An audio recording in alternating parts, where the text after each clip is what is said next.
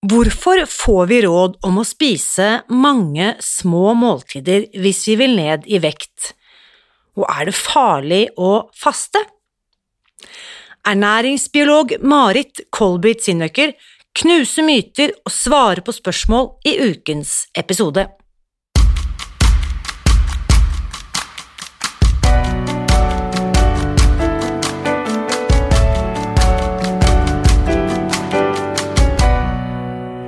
Mitt navn er Irina Li. Jeg er journalist og forlegger, gründer og sosialentreprenør.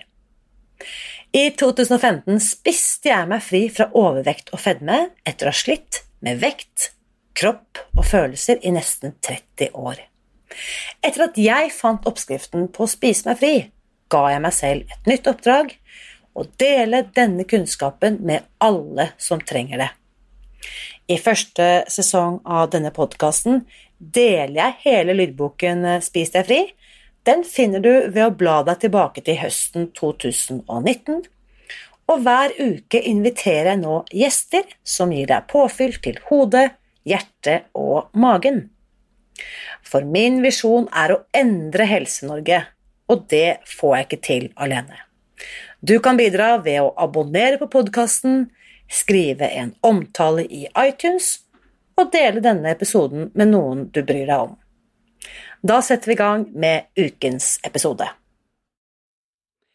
Ernæringsbiolog Marit Kolbit Sinnøkker har vært gjest i podkasten flere ganger tidligere, og i dag har jeg invitert henne tilbake for å snakke om to av våre favorittemaer. For det første skal vi snakke om hvordan ultraprosessert mat påvirker oss, og hvilke effekter vi kan få ved å teste periodisk faste. Forskning viser nemlig at eh, det er en lang rekke helsefordeler knyttet til det å ta seg kortere eller lengre pause fra mat. Og det å spise mange små måltider for å gå ned i vekt, vel, det får vi i dag bekreftet at bare er en myte. Velkommen til ukens gjest. Kjære Marit, velkommen tilbake til podkasten. Takk, takk, Irina. Jeg begynner jo å bli en gjenganger her. Men det er jo du, veldig hyggelig, det. Det er jo fantastisk. Det er jo eh, to ganger i fjor var du med som gjest. Eh, første gang var på vårparten, da vi faktisk den ble spilt inn mens det fortsatt var lov å møtes på ekte. Da møttes vi på i lydstudio nede i byen, og den gang så snakket vi om faktisk noen av de samme temaene vi skal pense innom i dag. Ja, det, det var i episo sant? I episode 34, hvor vi snakket om faste og tarmhelse og søvn og autofagi. Mm. Eh, jeg er så grådig ut, så jeg vil jo bare snakke om alle temaene. det er litt av en, litt en tittel egentlig på den podkasten. og så, i episode 50, da snakket vi om noe jeg har hørt veldig få i din yrkesgruppe snakke om, nemlig at trening ikke er en metode for vektnedgang. Mm, ja, det er også noe som er underkommunisert, da og, og feilkommunisert. altså Trenings rolle i vektnedgang. Så det er litt viktig å eh, røske opp i disse feiloppfatningene, sånn at ikke folk mm. følger dårlige råd når de skal prøve å gå ned i vekt. For det syns jeg er så utrolig trist når mange gjør en kjempeinnsats for å forbedre helsen sin, og så ender man opp med å ikke lykkes fordi man har feil metode. Det mm. gjør meg så oppriktig trist. Det er så mye gode intensjoner og mye på en måte disiplin og på en måte viljestyrke som er kastet bort på ja, som du er inne på, da, feil metode som ikke funker. Mm. Absolutt. Men det, det, begynner å virkelig bli en, en mye større um, Altså man, man, er mer klar over denne sammenhengen etter hvert nå. Det er mange fagfolk som har fått det med seg, og det er en del som formidler om dette her, men det her er altså så disse mytene sitter så dypt i oss. Det er noe vi har blitt fortalt hele livet og blitt feilfòret med informasjon gjennom massemediene og eh, ikke-fagpersoner som uttaler seg om det. Eh, så, så, det tar så lang tid før man greier å få til et sånt paradigmeskifte der. Da. Og at, at mm. alle på en måte får med seg at ja, men det vi har trodd her, det er ikke sant lenger. Det er ikke sant som vi trodde. Men hva er, hva er uh, grunnen til at eh, disse mytene sitter så eh, godt, tror du? Hvilke faktorer er det som spiller inn der? Ja, det er et godt spørsmål. Eh, kanskje en uh, psykolog kunne svare bedre på det enn det jeg kan. Men har det, altså det, har nok noe med å gjøre at når du blir fortalt noe om og om og om igjen, så blir det på en måte og, og det aldri blir stilt spørsmål ved. at Det blir på en måte fortalt som om dette er en sannhet, dette er noe vi vet. Eh, det blir på en måte noe av hvordan man altså, Hele ens oppfatning av verden. ikke sant? Og hvis mm. noen da forteller deg at ja, men det er ikke sånn, så er det på en måte en slags eh, utrygghet. Oi, verden min er ikke sånn som jeg trodde at den mm. var. Og Derfor så vil vi alltid motsette oss da å ta inn den informasjonen. Um, og, det, og det ser vi jo i det var en som har formulert dette her veldig morsomt på engelsk um, The four stages of acceptance. Og nå husker jeg ikke akkurat um, husker jeg for det første ikke hva han heter, og jeg husker ikke akkurat hvordan han formulerte det. Men, men det, ofte, det, vi ofte gjør da med en gang vi får høre noe helt nytt, så sier vi på en måte med en gang at ja, men dette er jo bare tull. Yes, ikke sant? Stemmer ikke. Ja, dette stemmer ikke. Dette tror jeg ikke mm. noe på. Dette vil jeg ikke forholde meg til engang. Og så går man da i sånne stadier videre hvor man til slutt ender opp med å si at ja, ja men det har jeg jo alltid sagt. Ikke sant? dette er det, er noe, det er noe med det, så da må man også få gjentatt dette nye budskapet mange nok ganger. Og man må få det fra personer som man stoler på. Det har, også, har jeg også eh, lest at det er mye mer eh, effektfullt hvis du kan få ny informasjon fra en person som står deg ganske nærme. Ikke en som, mm. La oss si man står på to helt vilt forskjellige barrikader, da, fag, fagmessig, på en måte. Eh, så er man mye mindre tilbøyelig til å ta råd eller ta til seg ny informasjon hos den som er lengst vekk fra deg. Men hvis en person som står deg ganske nærme i, i oppfatning, f.eks. generelt, eh, utfordrer deg litt på dette her og kommer med fakta osv., så, videre, så er man mer tilbøyelig til å ville høre på den personen. Ja. Så det har noe med dette her også å gjøre. Det sånne, og det er veldig mye av dette i ernæringsfaget. Det er så mye sånne leirer. Vi mener det i den leiren, og så mener vi det i den leiren, og så krangler vi om hvem som har rett. Istedenfor å prøve å finne ut av hvor er det egentlig vi er enige, og hvor er det vi ikke har funnet ut av ting ennå. Mm. Og det som er så interessant, for at veldig mye av det fagfolk innvender mot Spise fris, er jo nettopp at eh, påstandene vi kommer med, ikke er basert i forskning. Eh, nå bare gjengir jeg veldig sånn eh, overfladisk. Og da lurer jeg på de samme fagfolkene, da, inkludert Helsedirektoratet og helse, måte Norges fremste helseeksperter, de baserer jo sine råd på forskning eller vitenskapelig funn, påstår de. Og da tenker jeg, når vi i 40 år har visst at mindre mat og mer bevegelse ikke funker, Hvorfor fortsetter vi da å ha det som liksom det primære rådet for vektnedgang? Ja, Det er jo helt fascinerende. ikke sant? At det, er, det er ikke bare det at man har oppfattet dette feil og formidlet det feil, det er også det at man ser at det faktisk ikke funker i praksis. Når man da gjør studier, intervensjoner osv., så, så ser man at ja, men dette fungerer jo ikke. Så det er jo enda mm. mer på, en måte, på den vektskåla som tilsier at dette er ikke eh, dette er ikke riktig oppfatning, og det er ikke disse metodene vi skal jobbe etter. Og allikevel så blir det værende. Og allikevel så er det masse um, Som jeg sa, så det er mange fagfolk som har skjønt dette her nå og jobber med å formidle det, dette budskapet på en bedre måte. Men det er fortsatt, dessverre også, mange fagfolk eh, som henger igjen i det gamle paradigmet, og som fortsatt eh, formidler feil informasjon. Altså. Men det er, det er, helt fantastisk. Det er nesten som man altså, det er nesten som man kan mistenke folk for å ikke ønske at de skal lykkes. Ja, det er nesten sånn går det an å si det høyt. Det er veldig glad for at du sier det. Jeg, sånn, eh, jeg, kan ikke si sånne ting, for det høres ut som jeg er en sånn konspirasjonsteoretiker, men det er nesten så man lurer på om ønsker vi ikke å bruke de metodene vi ser er mest effektive? Ønsker vi virkelig ikke altså, Jeg tror, som du sa i stad, det er mye gode intensjoner osv., men altså Det blir uh, Nei, jeg vet ikke. Men for å, for å, eh, Jeg skal ikke be deg konspirere, men jeg kan trekke litt eh, Jeg kan jo gjøre hva som helst, for jeg har jo ikke noen titler eller fag... Eh, jeg trenger å forsvare, ettersom jeg ikke har noe faglig utdanning. Så det jeg vil påstå er, når jeg har begynt å se på disse tingene, og jeg har, du vet, Marit, gått mye i detalj på mange ting, så ser jeg liksom rådet om mange måltider om dagen. Mm. Hvem er det som har interesse av det? Jo, det er jo diverse slankekurs som selger diverse pulver eller måltidserstatninger. Hvis de kan få deg til å erstatte seks måltider om dagen, så er jo det dobbelt så bra business som å erstatte tre måltider om dagen. Ja, også De som i hvert fall har interesse av det, er jo de som selger mellommåltider. De som selger mellommåltider, har jo ja. enorm interesse av å liksom, selge produkter som kan kurere hvis du er litt sulten. Ja. Absolutt. Og det her er jo ikke noe konspirasjonsteori engang. Altså, dette vet vi jo veldig godt. At, eh, og det ligger jo åpen informasjon eh, på nettet, f.eks. Fra eh, rapporter fra de som altså matindustriprodusenter som jobber med å lage disse mellommåltidene, f.eks. Så ligger det f.eks. rapporter om dette med denne snacking-kulturen, som de da hevder som en positiv utvikling. Um, men, men, da fremmer de også dette at det er på en måte der deres vekstpotensial ligger. Fordi Du mm. klarer ikke å få folk til å spise mer enn en frokost, en lunsj og en middag. Men du klarer å få folk til å spise masse mellommåltid hvis du forteller dem at de skal gjøre det. Så yes. de ser at her ligger det et, eh, et, potensial for vekst, og det vil de utnytte. og Derfor så satser da en del av disse firmaene stort på mellommåltider. Og det ser vi jo igjen da i markedsføringen. Mm. ikke sant?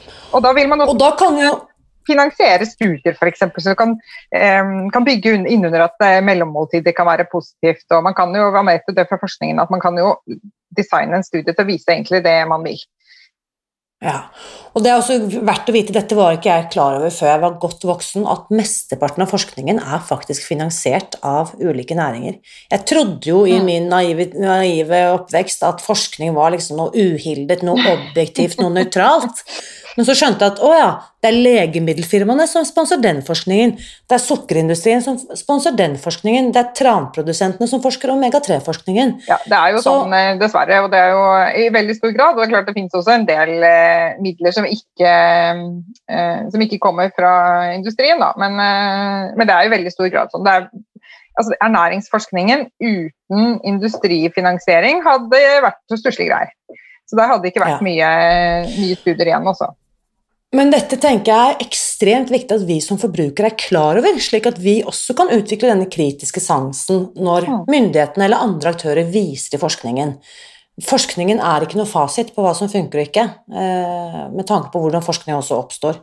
Det er selvfølgelig bedre enn ikke-forskning, men da må vi vite hvem er det som er avsender, hvilket motiv har de. Mm. Ja, I, I, journalistikken mm i journalistikken så har vi jo et uh, mantra, eller på en måte et sånn veldig gyllent uh, slagord, som heter 'follow the money'. Mm. Hvem er det som har økonomiske interesser i at disse rådene er som de er, da, ja. f.eks. om kostråd? Ja, det er jo en så, grunnpilar liksom, i kritisk tenkning. Altså hva, hvem har interesse av dette? Dette jeg blir fortalt hvem, Hvem har interesse i dette? Og Eh, dette med seks måltider er jo for så vidt da knyttet til det vi skal snakke om, om mellommåltider, nemlig ultraprosessert mat, som veldig mange av disse produktene på en måte De er jo på en måte ultraprosesserte matvarer, hvis man i det hele tatt kan kalle det mat. og så eh, er det dette med Hvis jeg går og beiter hele dagen fra morgen til kveld, for jeg står opp til jeg legger meg, og av og til vet jeg også for mange tilfeller fortsetter å spise etter etter at jeg har lagt meg i sengen, så oppnår vi jo ikke dette med denne fasten, eller denne periodiske fasten som vi har snakket om. Så hva skal vi ta først, eh, Marit? Denne ultraprosesserte problemstillingen? La oss, la oss se på det først, og så kommer vi tilbake til fast etterpå. Ja, um, skal vi se, Hva skal vi snakke om der, da? Altså Nei, fordi der har jo, ikke sant, Og vi har jo snakket om dette med at du har jo også sett på sammenhengen mellom ultraprosessert mat og hvordan dette kan påvirke overspising. Ja. For der er det også nå gjort studier på at her er det ikke tilfeldig at det er denne typen matvarer vi overspiser på. Nei. Eh, og det, jeg syns det var veldig interessante resultater. Eh, det var en studie som ble publisert for, for ikke så veldig lenge siden. Um, som, som, viste det Eller som hadde sett på hva slags type eh, matvarer er det som spises i forbindelse med sånne overspisingsperioder. da. Altså det som kalles for binge eating disorders på, disorder på engelsk. Og så, og så ser man da på, på, binging hva er det som spises da Eh, og det syns jeg var veldig interessant at da, i disse periodene, det folk spiste da, det var 100 ultraprosessert mat. Altså det, det betyr at det er altså, så å si ingen det er, det er farlig å si ingen, for dette, det kan godt hende at det er folk som overspiser på kyllingfilet og kokt brokkoli. Eh, det kan hende. Og, at de ikke var med i denne studien her. Men i denne studien så var det hvert sånn at når folk overspiste, så gikk de til de ultraprosesserte matvarene. Eh, og det tenker jeg er veldig interessant, fordi det viser jo at disse matvarene gjør akkurat det de er designet for å skulle gjøre. De er jo designet for å skulle eh, få oss til å like dem så godt at vi ikke har lyst til å slutte å spise dem. Raskt spørsmål fra sidelinjen. For de som ikke vet hva ultraprosessert mat er, kan vi bare stikke inn en liksom bitte liten definisjon? Ja, altså det er eh, eh, Jeg kan prøve å definere det litt eh, kort. Altså, det er mange måter å definere ultraprosessert mat på. De fleste gode definisjonene er lange. Det jeg pleier å si, er at ultraprosessert mat er matvarer, altså industrifremstilte matvarer som er prosessert i en så høy grad at de har mistet sitt helsebevarende potensial. Så det er liksom den korte varianten. Kan jeg komme med noen eksempler? Uh, ja. Brus, uh, alle mulige sånne drikker som ikke er vann, kaffe og te, som vi går og ja. uh, putter i oss med, mellom måltidene. Brus, energidrikker, enten det er sukkerfri eller sukkerbrus. det er jo én ting, og disse drikkene er antageligvis veldig viktige i hele denne brikken med den ultraprosesserte maten. At ja. vi har begynt å drikke Men, så mye andre ting enn vann. da. Et annet eksempel er jo sånn som vi snakker om i Spis deg fri, mel og sukker. Så mel i sin naturlige form ville vi snakket om et korn, havregryn f.eks., ja. eller ris, eller en hel potet. I ultraprosessert eh, variant så vil dette være pulverisert til mel eller rismel eller potetgull. Det er jo, var en potet en eller annen gang, ja. er blitt potetgull. Ja. Er nå ultraprosessert. ja, nei, ja, ja, absolutt. Alle matvarer som har eh, mel som en av de treffeste ingrediensene, havner Nei, ikke nødvendigvis, det, trenger ikke være ultraprosessert uh, av den grunn, men i hvert fall hvis det er mel og sukker og vegetabilsk olje satt sammen, så er det i hvert fall ultraprosessert. Det er veldig mye sånne altså, kjeks, en del bakevarer. Som er ultraprosessert. Alt godteri er selvfølgelig er det, da. Men det er også mye av det vi ser på som, som hverdagsmat. Uh, mye kjøttpålegg og kjøttvarer kan være ultraprosessert. En del meieriprodukter er ultraprosessert. Altså hvis jeg tenker disse hvor da altså Motsetningen til ultraprosessert er jo da uprosessert eller minimalt prosessert. Hvor f.eks. en yoghurt naturell er jo da minimalt prosessert, mens en sånn eh, God morgen-yoghurt f.eks., eh, som da har eh, ja, har et eller annet du skal ha oppi på toppen, og, altså, som er i praksis mye mer enn dessert. Da. Den er jo en ultraprosessert variant av en, ja. et meieriprodukt. Eh, og mange av disse mellommåltidene som mange spiser mye, er uh, ultraprosessert. Disse mellombarene, mange av de er ultraprosessert. Um, ja, en del frokostblandinger f.eks. er det. Um, og mye sånne En del ferdige eh, middagsprodukter. Og da tenker jeg ikke på ordentlig tradisjonsmat som Fjordland f.eks., men da tenker jeg mer på eh, ja, fiskepinner, pommes frites, altså sånne type ting som, som, ser ut som det brukes mye da, som vanlig middagsmat. på en måte. Frossenpizzaer selvfølgelig er ultraprosessert. Og pasta vil jo også havne til denne kategorien? Nei, det gjør det faktisk ikke. Pasta handler ikke der? Nei. Pasta er jo faktisk bare mel eh, og vann, egentlig. Hvis det er eh, den tradisjonelle fremstillingen. Eh, så det vil være en minimalt prosessert matvare, faktisk. Men vi må ikke vi må ikke gå i den fella at vi tenker at ultraprosessert er usunt og uprosessert eller minimalprosessert er nødvendigvis sunt. Og det, I den betydningen at da kan man spise så mye man vil av det. Det er ikke det denne klassifiseringen her handler om. Den klassifiserer matvarer etter hvor mye og hvorfor de er, altså hensikten med prosesseringen. Og så kan man bruke det, de resultatene igjen til å analysere på hvordan påvirker mm. dette her helsen vår.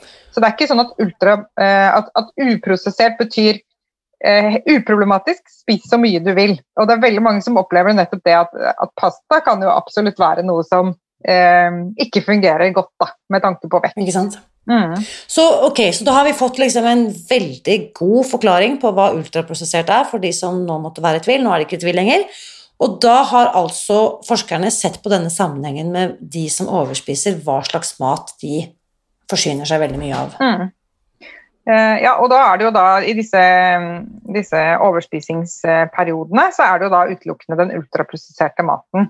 Um, en annen matvare som kunne nevnt, er selvfølgelig også iskrem. Det er også ultraprosessert. Det er også noe som man ja. uh, spiser, liksom blir spist mye i sånne, i sånne, sammenhenger. Men det som er interessant med disse ultraprosesserte matvarene, er jo at, mange av de er jo da satt sammen uh, veldig finurlig og testet for å Eh, at folk skal like de best mulig. De skal like de så godt at de ikke har lyst til å slutte å spise. Eh, altså, de skal ha lyst til å spise så mye av dem som mulig. Og denne forskningen her, den kjenner man jo eh, fra innsiden, altså fra, fra, folk som, eh, fra matvitenskapspersoner som har jobbet i matindustrien, og som forteller om hvordan de jobber for å nettopp få til dette her. Så da fremstiller man en del matvarer da, som skal egentlig litt sånn kapre disse signalveiene i hjernen vår, sånn at hjernen ikke får den får bare signaler om at 'dette digger jeg', noe så intenst. Og så får den ikke disse signalene om at 'nå er det jammen nok'. For å si det veldig enkelt, da, som, som vanlig mat ville gjort. Hvis du spiser et måltid som er satt sammen eh, altså ferskt tilberedte måltider av råvarer, på et eller annet tidspunkt så stopper det seg. Og så, sier, så, kjenner man at ja, men nå er jeg mett, og nå er jeg fornøyd, og nå har jeg ikke lyst på mer eh, gryterett med grønnsaker, liksom. Mm. Hvis vi nå er jo veldig mange gjennom de siste årene blitt oppmerksom på hvordan på måte, de store aktørene i digital markedsføring, Facebook, Google, hvordan de hijacker eller kidnapper hjernen vår fordi at eh, disse algoritmene og måten fargene, øh, bevegelsene er skapt på en måte som gjør oss nesten spillavhengige av sosiale medier med belønninger og overraskelser og sånne ting, og visuelle effekter. Dette har vi nå på en måte fått avdekket gjennom utallige artikler, bøker, dokumentarer etc. Det som er interessant, er jo at matvareindustrien har jo, akkurat sånn som du var inne på her, forsket på våre preferanser som mennesker gjennom tiår på tiår. Jeg kjenner tilfeldigvis en av Asias største kjeksprodusenter. Mm -hmm. Og jeg eh, ble kjent med han da jeg har vært på reise i Indonesia. Og han forteller jo at vi vet, altså vi som lager kjeks, vi vet nøyaktig hvor mye crunch det skal være, hva slags lyd maten skal lage, hvordan maten oppfattes liksom inni hodet ditt. Altså De har audiovisuelle forskere, de vet nøyaktig fargekombinasjoner, kontrasten mellom mørk og lys sjokolade. Dette er ikke liksom noe eh, som de gjør eh, altså Han sier jo det, at målet er jo å produsere mest mulig varer som flest mulig vil kjøpe oftest mulig. Ja, det er jo ikke noe hemmelighet, sånn som du sier. Det er ikke noe hemmelighet, og det har de også uttalt eh, i, på, i, innenfor f.eks. Coca-Cola osv. Har også sagt altså målet mm. vårt er å drive fram mest mulig storforbrukere. Eh, det er liksom et uttalt mål, og har i hvert fall vært tidligere. Eh, for de som har lyst til å lese mer om dette, så er det en veldig interessant bok som heter 'Salt Sugar Fat', eh, skrevet av en, en gravende journalist som heter Michael Moss. Eh, han rapporterer om, om dette her fra, fra, innsiden. Det har fått veldig mange folk fra matindustrien i tale mm. om, om, hvordan de jobber med dette her. Og han tar også for seg det akkurat som du sier, det er, det er den derre formelen.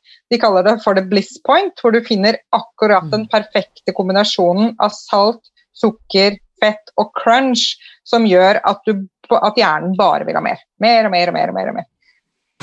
Og jeg tror det er liksom Hvis jeg er hekta på Pepsi Max da, eller potetgull, så er det greit at jeg vet om dette, sånn at jeg kan begynne å stille spørsmål mm. med hva er det med disse tingene som gjør at jeg er hekta. Mm. Og er det noen andre som har bestemt at jeg skal være ekte på dette, eller er det faktisk mitt frie valg? Og mm. da tror jeg mange av oss vil komme frem til at shit, jeg er rett og slett blitt kidnappet av sukker og kjeks og matvareindustrien. Ja, absolutt. Og det, det, er kanskje en, det kan i hvert fall for noen være en fin måte å begynne å, uh, mm. å vurdere gjøre en endring. Da. At man opplever, altså det kan jo oppleves som å være veldig sånn ufri hvis man man må ha Pepsi Max, hvis man må ha mange liter om dagen med Pepsi Max, så blir man jo veldig ufri av det. Eh, ja. Og, ja. Og jeg er jo veldig mot eh, skamming, det er veldig 90-talls, det driver vi ikke med lenger. Um, uh, og det syns jeg også er jeg kjenner, jeg kjenner, mange som er bekjent med noen Spis deg fri, som har historier med både tre og fem liter inntak med Pepsi Max i døgnet. Og da snakker jeg om i døgnet, for mange av de har også stått opp om natten og drukket. Så hvis det er noe som noen kjenner seg igjen i, så er ikke det uvanlig. Og det er mulig å spise seg fri fra det. Eh, og jeg har også mange eksempler på personer som selvsagt ikke har sagt dette til noen andre høyt før, men som har spist to liter iskrem i døgnet. Mm. Eh, og bare hatt det som sin strategi for å takle enten det er stress eller uro eller dårlige følelser eller hva det måtte være. Eh, ja, men det er jo veldig interessant. Som, altså, du nevnte jo i stad dette med, med, alle teknologien ikke sant, som gjør oss hekta. Og det er jo faktisk akkurat de samme mekanismene. Eh, og vi vet jo det at når vi spiser noe som vi har en veldig sånn sterk eh, craving for, som vi syns eh, er veldig fristende, så får vi jo frigjøring av dopamin i hjernen. Og dopamin gir jo en midlertidig følelse av velvære. Så når vi går til et eller annet sånn stimuli, um, og særlig hvis vi gjør det fordi at vi føler oss urolige, f.eks. Altså, vi er engstelige, urolige, vi har det ikke bra. Uh, og så Det man gjør instinktivt da, er jo å søke å dempe det ubehaget. Og dette har vi jo lært oss å gjøre på forskjellige måter. ikke sant? Og vi, kanskje noen har lært noe eh, gjennom barndommen, andre har kanskje lært strategier i voksen alder. Eh, noen eh, får ut frustrasjon ved å ta seg en løpetur. Mm. Noen får ut frustrasjon og demper uro og angst med å drikke alkohol eller ta dop eller et eller annet sånt. Men det er dessverre veldig mange som som demper uro, angst og vonde følelser med å spise. Og det er ikke så rart, fordi at man har jo faktisk lært seg at det funker. Det funker mm. veldig, veldig kortvarig. Fordi at når man da spiser et, når man tar den der bøtta med is, og tar de der første skjeene med den isen, så kommer en frigjøring av dopamin i hjernen. Og det er jo disse molekylene vi er ute etter. Det er ikke egentlig isen vi er ute etter, ikke sant? vi er ute etter dopaminet. Yes. Følelsen av velbehag, at, uh, at, uro og angst og um, triste følelser kan, uh, kan bli dempa, og det gjør de midlertidig. Mm. Uh, og så kan man jo liksom lure på um, hva er poenget med dette her? Hvorfor har naturen innrettet det sånn at vi blir så blir sånn kortvarig lykkelige av å, spise mat som ikke er bra for oss? Men det er klart vi Eh, vi har jo ikke vanligvis levd i det samfunnet vi lever i nå. Vi har jo ikke vanligvis hatt en tilgang på matvarer som utløser dopamin på den måten som man har forsket fram nå. ikke sant? Det ville vært, eh, Hvis man tenker eh, titusener av år tilbake, så ville det vært veldig begrensa antall matvarer som faktisk utløste den responsen. Og da ville det kanskje være nyttig for oss at vi fikk den responsen når vi kom over et eller annet som var veldig energirikt osv. Mm. Det er i hvert fall noe av tankegangen. Men det som er eh, noe interessant forskning som er eh, ganske nytt, er at vi belønnes to ganger med dopamin av den maten vi spiser. Første gangen idet vi får den inn i munnen, dette går kjempefort, da kommer det en sånn kjapp følelse av velbehag. Og så skal det komme en respons til som følge av at maten kommer inn i tarmen. Og kanskje 20-30 minutter etter at man har begynt å spise. Eh, og denne hendelsen den sammenfaller egentlig da med utskillelse av metthetshormoner, eh, signalisering tilbake til hjernen om at nå har jeg fått det og det, nå begynner jeg å bli mett og fornøyd. ikke sant? Så Da kommer det også en dopaminrespons til, og så blir det sammen så blir dette en sånn totalpakke som sier at nå er jeg fornøyd.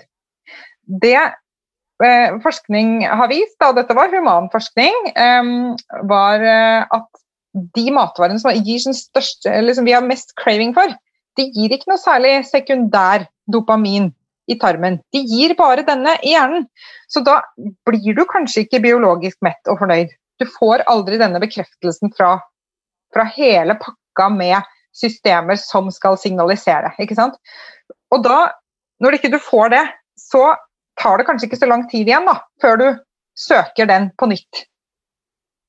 Utrolig. Dette har jeg ikke hørt forklart på denne måten tidligere, men dette handler sikkert også ha sammenheng med denne insulinresistensen og leptinresponsen, som handler ikke sant? Det er, det er, alt henger jo sammen på en måte, men Jo, alt henger sammen med alt, men, eh, men det er kanskje litt eh, et annet, en annen del av bildet igjen. Men, men det vil også påvirke disse metthetssignalene.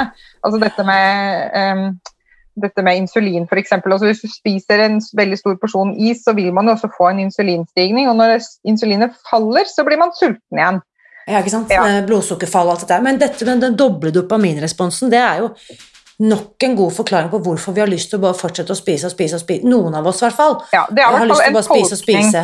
Det er en tolkning av, de, eh, av, de, resultatene, en liksom foreløpig tolkning av det. Men det er i hvert fall interessant da, at vi har eh, vi har overhodet ikke funnet ut av alle disse her, eh, systemene, disse biologiske systemene mm. for å for f.eks. Metthet og sult og hvordan de virker sammen osv. Eh, men yes. det er jo akkurat dette her som folk rapporterer da, i anekdoter. At når du da du søker mot mat som du har en veldig sterk craving for, for å dempe ubehag og vonde følelser, så blir det jo ikke nok. Ikke sant? Det er jo ikke sånn at man tar én eller tre biter sjokolade, og så er man fornøyd. Og så var liksom Ja, dette funka. Det er jo nettopp det som mm. ikke skjer. ikke sant? Det som skjer, er at man mm. kanskje bare spiser en hel plate. Noen spiser tre plater. Og så er man fortsatt altså Kanskje man har en midlertidig eh, følelse av å ha dempet ubehaget, men så kommer det igjen så det suser ikke sant, etterpå. Yes. Eh, I forkant av denne episoden, eh, Marit, eh, så skrev jeg i denne åpne Facebook-gruppen til Spis deg fri, for alle som lytter til podkasten, om at du skulle være ukens gjest. Og da fristet jeg også med at et av temaene skal være periodisk faste, som vi vet er noe vi begge kan snakke mye om, og mange er nysgjerrige på. Så eh, der har vi også fått inn en god del spørsmål som vi skal komme tilbake til underveis. Men vi kan jo begynne litt sånn overordnet, da, for å liksom sette Og dette henger jo sammen selvfølgelig med ultraprosessert mat, og hvor, hvorfor det er så vanskelig kanskje å ta en spisepause. Men fortell litt sånn først, hva kan vi definere som periodisk faste?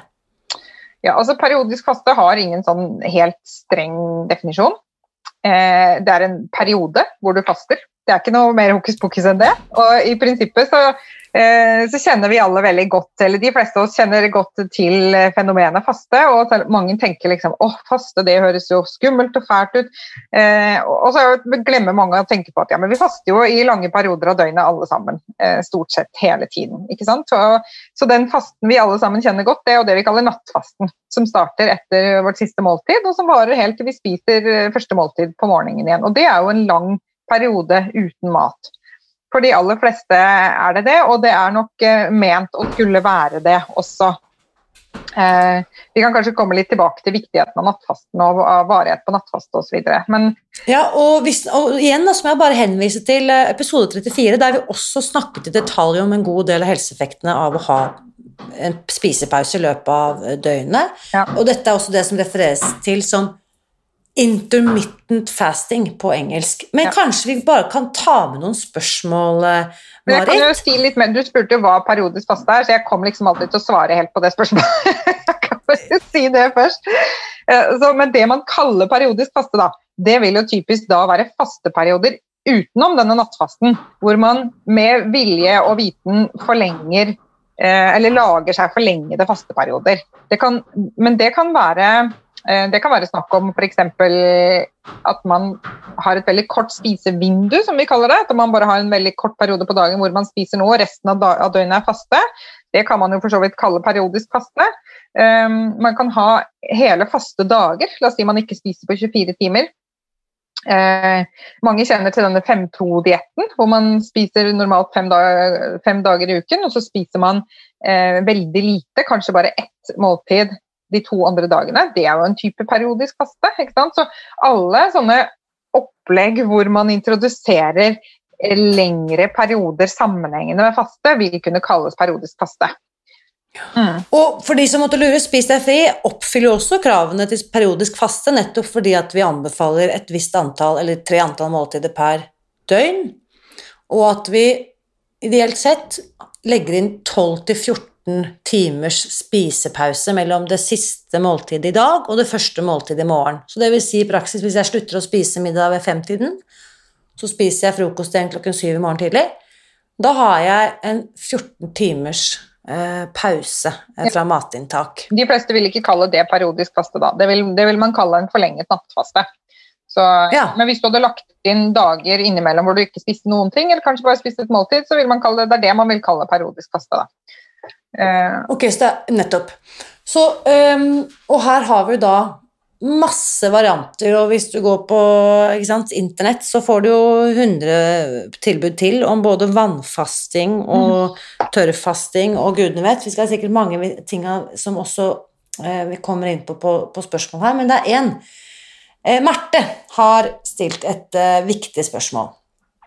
Eh, hun sier her Jeg har nylig hørt at kvinner i menstruerende alder ikke bør drive med periodisk faste. Har du noen kommentar til det, Marit? Ja, jeg, jeg, vet jo at det er noen som er ute og eh, veldig ivrig prøver å formidle at eh, det ikke vil være bra for kvinner i fruktbar alder. Og jeg har tråla egentlig litteraturen for å prøve å finne kilden til den oppfatningen der. Um, og det er litt interessant, for altså Dette må vi snakke litt om. greia er at vi må se litt på hvem, hvem er den personen som skal faste. Ikke sant? Og hvem er det man studerer i, i forskjellige studier. Eh, hvis du eh, tar personer som er eh, overvektige, og som kanskje har eh, eh, ja, forstyrrelser i reproduksjonssystemet i forbindelse, som er knyttet til overvekt, eller som av og til er knyttet til overvekt, f.eks. PCOS eller andre Eh, andre tilstander som vi vet reduserer fruktbarheten, så ser man det at faste for dem vil kunne være med på å gjenopprette normaltilstand og, og forbedre dette her. Sånn som vi ser med, liksom, med alle andre typer tilstander. ikke sant? Altså Faste er det å, det å legge inn forlengede fasteperioder når kroppen ikke er frisk, eller når den har blitt syk som følge av for mye mat, det vil være en slags eh, universalmetode for å gjenopprette normaltilstand. I hvert fall hvis du ser på grupper av folk. Eh, og De studiene som, eh, som finnes der, de er ganske entydige på det. Er man overvektig, har man, har man reproduksjonsforstyrrelser som følge av overvekt, så vil faste kunne være et hjelpemiddel til å reversere det og, og bedre det. Du, eh, men, men, det jeg fant, da, som jeg lurer på om er kilden til dette her, er en studie hvor de har undersøkt effekten av en tre døgn sammenhengende faste på kvinner som hadde veldig lav kroppsfett. Så de var, de var egentlig undervektige, eller de var ikke undervektige nødvendigvis, men de hadde under 20% kroppsfett, og det er ganske lite for kvinner. Vi ligger gjerne mellom 20 og 30, altså normalvektige kvinner. Eh, og det er klart at hvis du, hvis du gjennomfører og Så gjorde de da den eh, i Eh, perioden opp mot eggløsning. Og det man så da hos noen av kvinnene som da fastet tre døgn sammenhengende, og de gikk ned ganske mye i vekt og var tynne fra før. Sant? Det man så da var at hos noen av kvinnene så ble den eh, perioden fram til eggløsning forlenget. Og så hos et par av kvinnene så uteble eggløsningen akkurat i den syklusen hvor de gjorde det. Den uteble ikke når de da ikke ble fastet tre døgn sammenhengende. Og dette her, For meg så gir jo dette her totalt mening på et evolusjonært nivå. ikke sant? Hvis man er um, hvis naturen er litt smart, så sørger ikke den for at du er på ditt mest fruktbare når mattilgangen er på det dårligste. Veldig logisk. Ikke sant? Så, mm. så det å mm. liksom og, og, tre døgns faste, den er ganske tøff. Det, det er veldig få av de som Eh, som snakker varmt om faste, som sier ja, men gå på en 72 dagers vannfaste, du. Det, det, vil være bra for deg uansett. ikke sant? Det er, mm. det er, ikke det vi snakker om. Vi snakker om å gi kroppen gode pauser fra måltidene. Og så snakker vi om å av og til ha noen forlengede perioder med faste. Det er et veldig annet scenario fra å ta personer som har lite kroppsfett, og mm. sulte dem opp mot eggløsning. Ikke sant? Så, og det som var det som også var interessant var at De samme folka som hadde gjort denne studien, de hadde også gjort en annen studie på normalvektige kvinner. og Da så man ingen forskjell, selv om man fasta dem i 72 timer. Så man må se på Hvem er det vi snakker om her? Hvem er det som er utgangspunktet for eh, Hvem er det som er adressaten av budskapet vårt? Og Jeg pleier å være veldig nøye på med å peke på at hvis ikke ting er eh, på tur, så skal du ikke gjøre noen endringer. Er du normalvektig, frisk, funksjonell, alt fungerer som det skal, du har masse energi, du sover godt, helsa er på topp, det er jo ikke noe vits i å prøve å reparere på det. Apropos reparere på helseplager, er det faste noe du tenker at hvem som helst kan liksom bare søke på Google og så sette i gang, eller er det noe jeg burde ta en liten avsjekk med fastlegen min før jeg går i gang med. Hva tenker du om det på generell basis? Ja, altså På generell basis så tenker jeg at, eh, at folk eh, godt kan eksperimentere med litt forlengede perioder uten mat på dagen uten at det er noe problem i det hele tatt. Altså det, dette her har jo også de fleste opplevd. ikke sant? Man er eh, kjempeopptatt med noe, men man lar seg avlede av et eller annet som var gøy, og så var man litt sulten, og så spiste man ikke da fordi jeg holdt på med noe annet, og så vips, så var jeg ikke sulten igjen. Og så eh, kan man holde det gående i flere timer. Ikke sant? De fleste har opplevd sånne, sånne perioder. Eh, og det illustrerer jo bare hvordan vi er skrudd sammen. Vi har et energilager som, som skaffer oss mat i de periodene hvor vi ikke spiser. Og det, det her er helt uproblematisk. Det å gå mange timer i løpet av et døgn uten mat er helt uproblematisk for, eh, for voksne, normalvektige mennesker, og også for de som har mer, eh, mer energireserver. Da. Det trenger man ikke å snakke med legen sin om. Men jeg syns ikke at noen skal begynne på en langvarig faste hvor man ikke tar til seg noen ting Um, uten å ha snakket med legen om det. Eller uten å få oppfølging av helsepersonell. Da. Og Det er heller ikke noen ja. grunn til å gjøre det. Fordi at du kan få kjempegode effekter av fasteopplegg som er mye mer kortvarige. Ikke sant? Bare det, som de sier, å, å, sørge for at nattfasten er tilstrekkelig, og at kroppen får en god pause fra mat eh, i den perioden av døgnet hvor vi ikke er programmert til å spise hvor vi er programmert til å gjøre andre ting, som f.eks. vedlikehold og reparasjon. Det er kjempeviktig at vi ikke spiser i den delen av døgnet. Så bare å gjøre det er mer enn nok. Og så kan man, eh, kan man si liksom jo, jo mer problemer man har, jo kanskje sterkere lut må til. Det kan godt hende. sånn at hvis man har eh, gjenstridig overvekt f.eks. og ikke har lykkes med andre metoder, ja, så prøv, å, prøv f.eks. da å ha litt forlengede fasteperioder. Prøv å se om man kan greie å, å spise bare ett måltid i løpet av en dag, eh, f.eks. en gang iblant, og, så, eh, mm. og, og, gå resten av døgnet uten å spise, rett og slett for å gi seg selv forlenga noen sånne forlenga perioder med mm. faste. da. Og hvis vi zoomer litt ut og ser på dette i historisk kontekst, så er jo nettopp dette med faste er jo også eh, eh, ritualer i veldig mange av verdens største religioner. Men det har vært liksom, man har, sett det, man har klart å liksom finne arkeologiske funn som bekrefter at, eller historiske funn som viser at dette har vært liksom implementert som en del av ritualet i veldig mange kulturer mm. eh, og religioner. Så det er noe et eller annet der som eh, urgammel kunnskap men egentlig så kunne jeg tenke meg å si noe mer til det, det spørsmålet fra Marte. fordi at eh, Dette med, med kvinner og fruktbar alder og sånn. Det man også må, må, tenke på, er jo at man um, Vi snakker jo på generelt basis her ut fra studier og sånn, selvfølgelig, men folk er jo forskjellige. Vi er så forskjellige. Vi, er, uh, vi vil ikke reagere likt på faste. Så noen vil kunne oppleve um, ubehag som andre ikke opplever. Og dette kan også være knytta til f.eks. hormonsvingninger i forbindelse med menstruasjonssyklus. Så det kan jo godt være at noen merker at akkurat på det tidspunktet der, da kan jeg søren ikke faste. Altså, da må jeg bare eh, ha jevne mm. måltider, ellers så fungerer jeg ikke. Men de dagene der, eh, da kan jeg godt faste litt. Ikke sant? Så man kan, man kan jo kjenne litt på mm. egen kropp også, hvordan, hvordan man responderer på dette her. Og en annen ting er jo også det at hvis man er vant til å spise veldig mye karbohydratrik mat, sånn at man er vant til å få høye blodsukkerstigninger, og, altså høye topper og dype daler, høye topper og dype daler, så vil man være mer eh, sensitiv for å faste.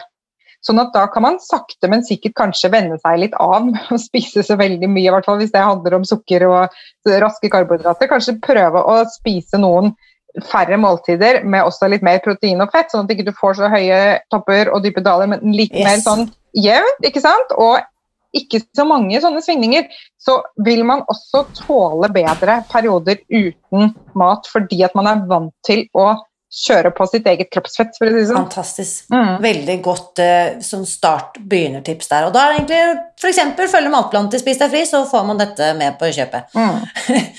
Hva skal til for å bryte fasten, spør Toril om. Er det bare te, kaffe og vann som ikke bryter fasten? Eh, Pga. halsbrann, skriver hun, må jeg av og til ta en slurk melk om natten. Ødelegger jeg da fastevindu? spør Toril. Ja, altså det siste kan jeg i hvert fall svare på. at Det å drikke melk om natten, det anbefaler jeg ikke. Eh, fordi at, nettopp fordi at natten er den perioden hvor vi skal, eh, ikke skal spise, og hvor eh, fordøyelsessystemet skal drive vedlikehold og reparasjon. Og det som skjer når vi putter noe ned i fordøyelsessystemet da, er at vi avbryter de prosessene. Eh, og det er klart, her kan det jo sikkert være individuelle variasjoner osv., men det er mulig at man opprettholder slik, et slikt problem ved å gjøre akkurat det hun gjør. Fordi at hvis hun ikke får reparert, så vil man heller ikke kunne gjenopprette normaltilstand. Mm. Så jeg vil jo absolutt, jeg vil absolutt fraråde å drikke og spise noen ting på natten i det hele tatt. Og det, det henger også sammen med andre funksjoner. Vi f.eks. har dårlig spyttproduksjon på natten som gjør at, eh, at dette påvirker oss eh, negativt eh, med munnhelsen. Um, fordi at altså Det å skille ut spytt i forbindelse med å spise er også en viktig funksjon for at, hvordan vi ja, hvordan vi um, behandler maten vår. Og, og, hvordan, mm. ja, og hvordan også ja, maten samspiller med fysiologien vår, for å prøve å si det litt enkelt. Eh, så jeg anbefaler ingen å spise på natten eh, i det hele tatt, eh, rett og slett. Og, eh, og, hvis man føler at man må drikke noe, så vil det heller være bedre med en slurk vann. Eh, kan jeg bare, bare skyte inn en liten ting der, Marit? fordi at med endringer, da, enten det handler om vaner eller uvaner eller kosthold eller eh, ting vi gjør, så har jeg hørt et veldig bra ord eh, på svensk som heter førstforverring.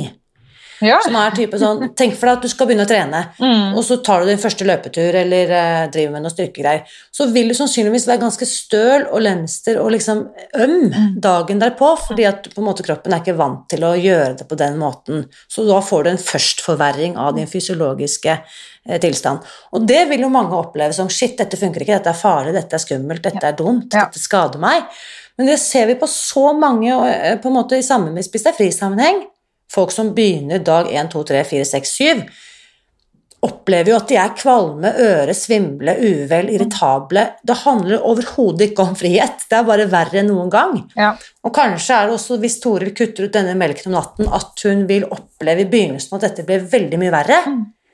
Og dermed er kanskje ikke motivasjonen eller troen på at det er smart å kutte ut. Da blir jo den kanskje litt sånn eh, rokket ved, ikke sant? Ja, absolutt. Eh, og det er et godt poeng du kom med der. var veldig fint ord, forresten. Førsteforferding. Den skal jeg ta med meg videre. Eh, men dette her er jo kjent. Men det blir jo på en måte også litt det samme som at hvis man da er på denne sukkerberg-og-dal-banen, så vil du jo også spise sukker for å komme deg opp igjen. Eh, yes. Mens man vet mm. jo at dette ikke er bra ikke sant, på lang sikt. Mm. Og da er altså Kuren er jo rett og slett å kutte det ut. Og det, ja. det medfører jo ganske store endringer i metabolismen. Eh, som kan gi negative symptomer. Det er ikke noe tvil om det. Eh, og at man føler, man, altså Når man er på en sånn blodsukker-berg-og-dal-bane, så føler man seg jo ikke bra når man er på bunn. Men det betyr ikke at at, at kroppen din tar skade av det du gjør når du slutter mm. å gi den sukker. det er veldig, veldig veldig viktig. Ikke sant? Så det, så det tror jeg er et godt ja. poeng, det der. Men, men, jeg vil gjerne svare på det med hva som bryter fasten. Da. Og det ja. er Det syns jeg er litt vanskelig å svare på. Hadde spurt meg for et år siden, så hadde jeg svart ganske sånn eplekjekt. At jeg er ganske sikker på at uh, f.eks. kaffe og te svart da, um, er helt uproblematisk.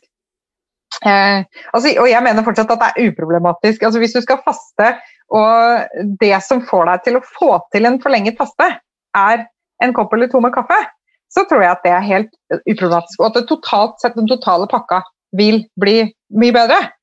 Ikke sant? Så den beste fasten er den du får til pleier jeg også å si.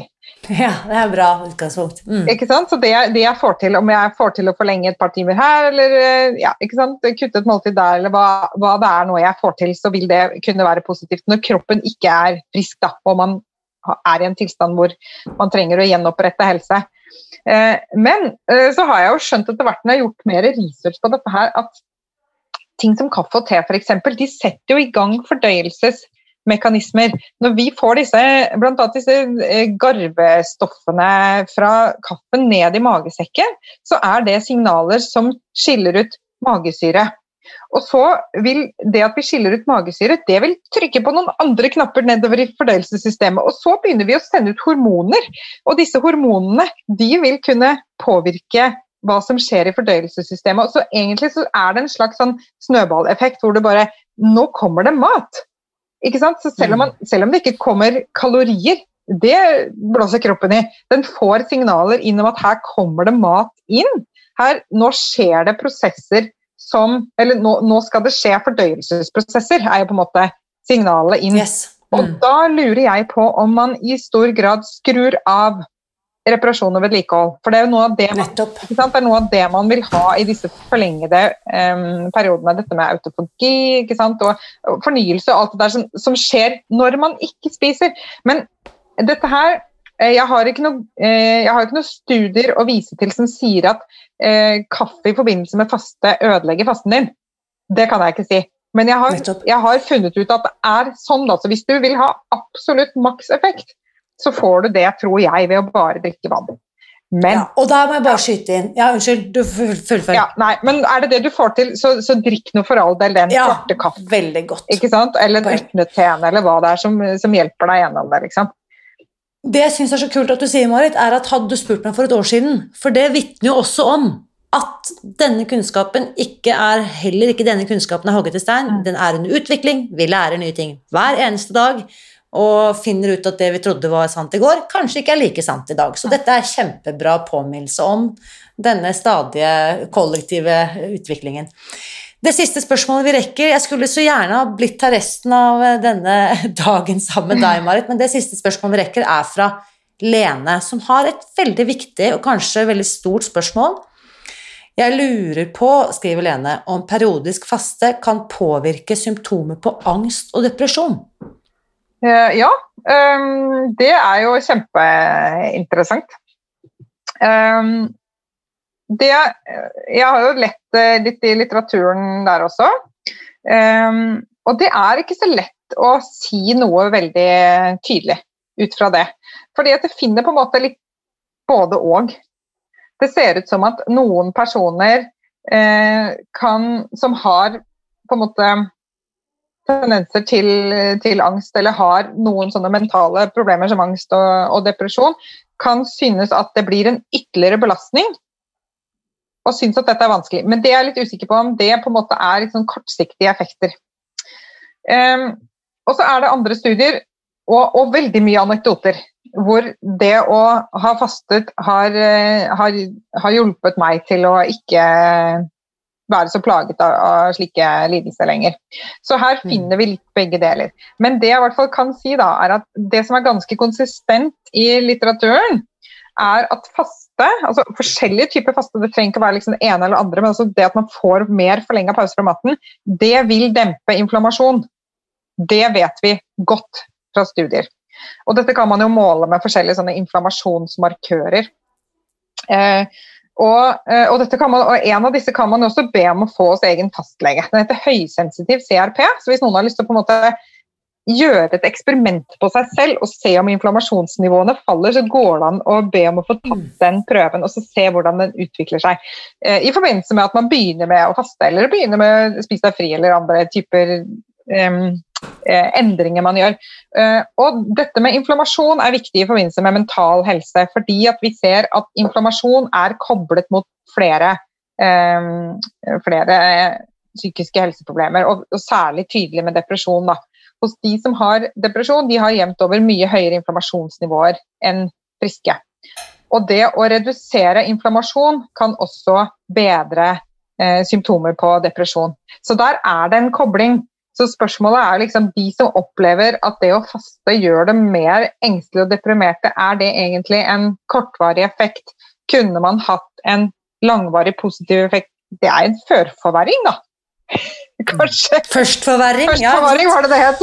ja, nei, men Det er fantastisk. Det er min gode venn så, Anders Olsson som har gitt meg det begrepet. Jeg må bare kreditere han. Ikke sant? Mm. Veldig, veldig ja. bra. Så, nei, men jeg, jeg, tenker jo også som så at vi må jo se på mm. um, se, se, litt på hvem er det som, som snakker her, og hva, hvilke forutsetninger er det man starter med. på en måte, ikke sant? Er det, um, og så er det om å gjøre å prøve seg litt fram.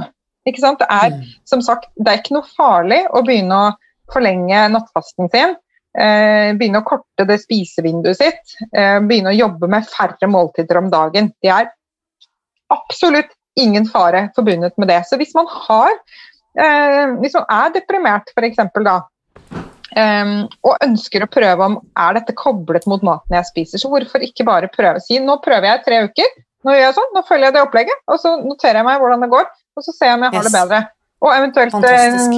tracker sin, uh, sin høysensitiv CRPS for fastlegen for å se om det er noen, noen endringer. Hvis man er litt sånn nerdete og har lyst til å gå litt sånn biologisk. Jo, jo, og det er det som er så genialt med det du forteller, at dette er tilgjengelige tips som jeg kan gjøre uten mm. å måtte iverksette noe eller signe opp på noe fancy vannfasteprogram eller et eller annet, men jeg kan bare teste selv hjemme på mitt eget kjøkken. Og det må vi, også vi må si en ting til det man også må huske på, er at faste er, uh, ja, som jeg sa, ufarlig. Det er gratis. Det er ikke bare gratis, men det sparer penger. Når man ikke yes. skal løpe rundt og kjøpe uh, mellommåltider, så sparer man altså så mye penger, og så frigjør det tid.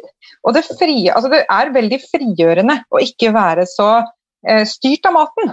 Og, og kunne liksom si til seg selv at ja, men jeg trenger ikke å spise fordi om jeg kjenner at det mm. rumler litt i magen nå, for jeg vet at hvis jeg venter ut det i ti minutter, så er jeg ikke sulten lenger, så kan jeg fortsette med det andre jeg har holdt på med. Det er, det er, faktisk utrolig mange sånne eh, positive ringvirkninger da, som man ikke tenker på. Og så kan man bruke mer tid og energi på, og penger på å lage skikkelig bra mat når man først skal spise.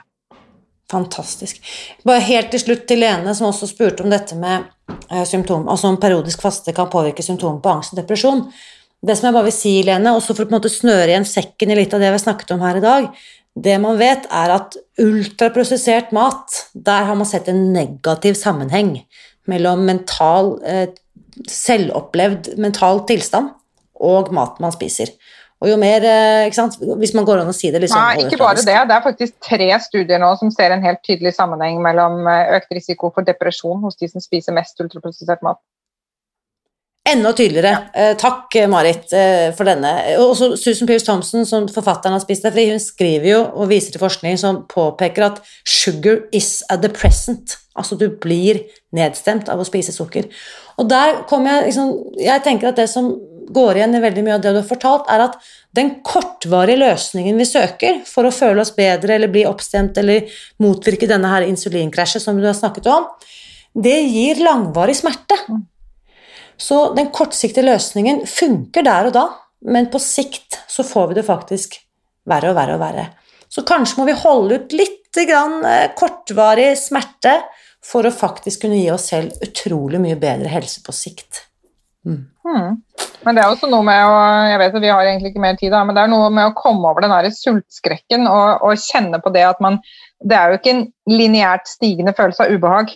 Det er veldig viktig. Altså, og dette kan man også måle med hormoner. Man ser den stiger litt, og så synker det. Dette sulthormonet som heter grelin. Så det er ikke sånn at man er sulten gjennom hele dagen når man faster. Man er sulten i små perioder. Det kan ta fem-ti yes. minutter og så går det over igjen. Og så kommer ikke denne sultfølelsen igjen før det har gått en stund. Kanskje det går en time, kanskje det går to timer.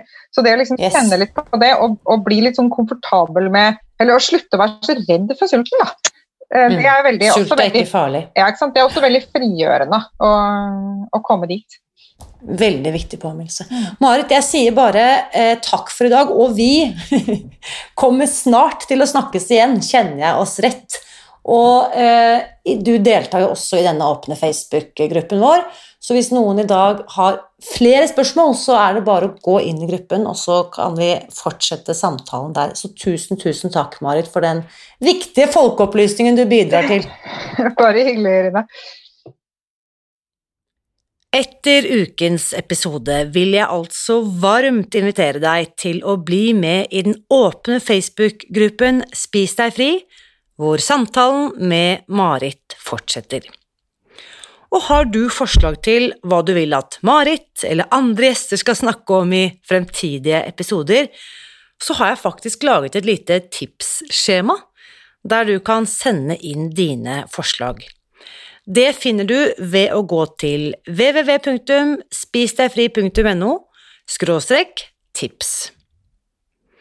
Og du kan gjerne sende meg linker til artikler fra norske eller utenlandske tidsskrifter, aviser eller blader, tips om podkaster eller Netflix-dokumentarer jeg burde få med meg, eller navn på andre kunnskapsrike personer som du tenker kunne ha passet som gjest her hos eh, meg. Jeg minner altså om alle tips mottas med stor takk, og du finner skjema på nettsiden www.spisdegfri.no skråstrek tips. Og i neste uke skal vi gjøre et eh, stort sprang, for da har jeg invitert eh, en gjest jeg kjenner godt. Så jeg vil bare si kom tilbake da. Og i mellomtiden så kan du klikke deg inn på iTunes og skrive en eh, omtale av dagens episode. Da bidrar du til at flere kan få høre den fantastiske kunnskapen som Marit har eh, delt med oss, og det bidrar også til at flere oppdager det viktige vi snakker om her hver uke. Og uansett hvor stort eller lite fastevindu du legger inn i løpet av denne uken, så vit at jeg heier på deg. Alltid.